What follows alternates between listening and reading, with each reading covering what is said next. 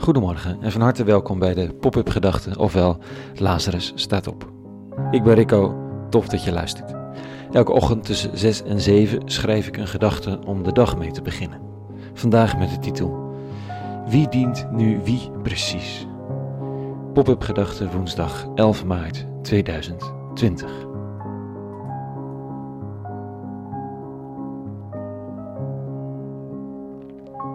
De bedoeling van godsdienst is dat je God dient, zou je zeggen. Dat de eeuwige het nou eenmaal beter weet dan jij en je dus met beter hebt te volgen, anders loopt het slecht met je af. Of in pedagogisch verantwoorde versies. Eh, dat is goed voor je, voor jezelf, voor de ander, voor de wereld. Nou, dat is natuurlijk lang niet altijd het geval. Dat het dienen van God door mensen beter is voor diegene zelf, de ander, de wereld. Er komt in de praktijk namelijk ook veel rotzooi uit de handen van mensen die zeggen God te dienen. Dan zeggen andere gelovigen natuurlijk van hen dat ze niet echt God dienen. Maar goed, dat is net zoiets als met echte vluchtelingen.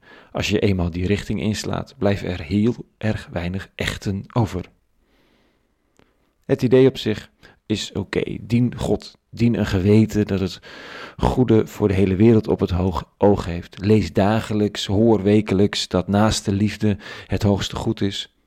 En anders zwaait er wat, of dus liever, dan komt het goed met je. God is belangrijker dan jij, geef jezelf aan hem, of aan haar, of aan het. Maar dan lees ik vanochtend een klein zinnetje waarin Jezus, als je het letterlijk zou nemen, dat precies omkeert. Dit staat er. Jezus zegt, riep hem bij zich en sprak: U weet dat de heersers der volkeren hen met ijzeren vuist regeren en dat de groten misbruik maken van hun macht over hen. Dit mag bij u niet het geval zijn. Wie onder u groot wil worden, moet dienaar van u zijn. En wie onder u de eerste wil zijn, moet slaaf van u wezen, zoals ook de mensenzoon, verwijst hij naar zichzelf, niet gekomen is om gediend te worden, maar om te dienen en zijn leven te geven als losprijs voor velen. Hierarchie is niet Jezus sterkste kant. Hij moet steeds weer de onderste steen bovenhalen, de top afzagen en over de grond verkruimelen.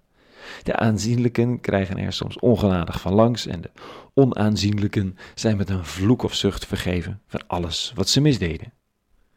Dat klinkt als een communistische of anarchistische variant van christendom, maar je moet echt heel hard je best doen als je dit er niet in wil lezen.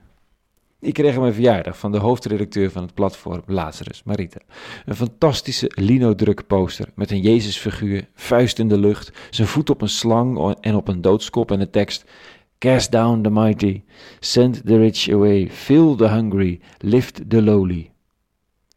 Het, het zou een, een, een anarchistische graffiti kunnen zijn, dat, dat gevoel in elk geval. Haal de machtigen neer, stuur de rijken met lege handen weg, voed de hongerigen, tilde de vernederden op. Bam, dacht ik. Lekker hoor, tikje puberaal, lekker rebels. En dan de kleine lettertjes onderin. Gemaakt door Benjamin Wildflower met de titel Magnificat.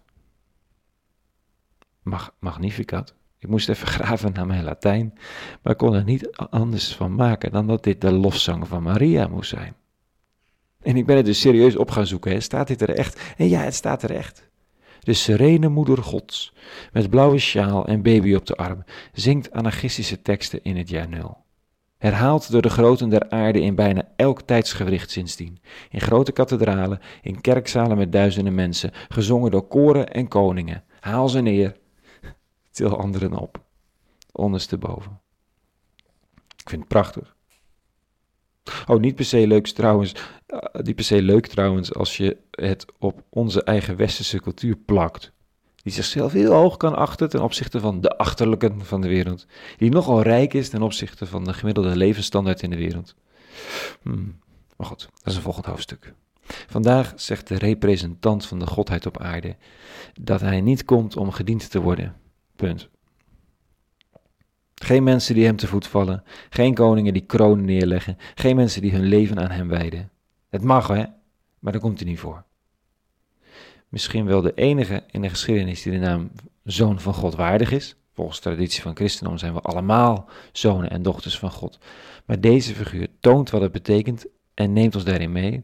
Die representeert de eeuwige als die zegt: Offer niet jouw leven voor mij, ik kom om mijn leven te offeren voor jou. De eeuwige die zegt, jij bent belangrijker dan ik.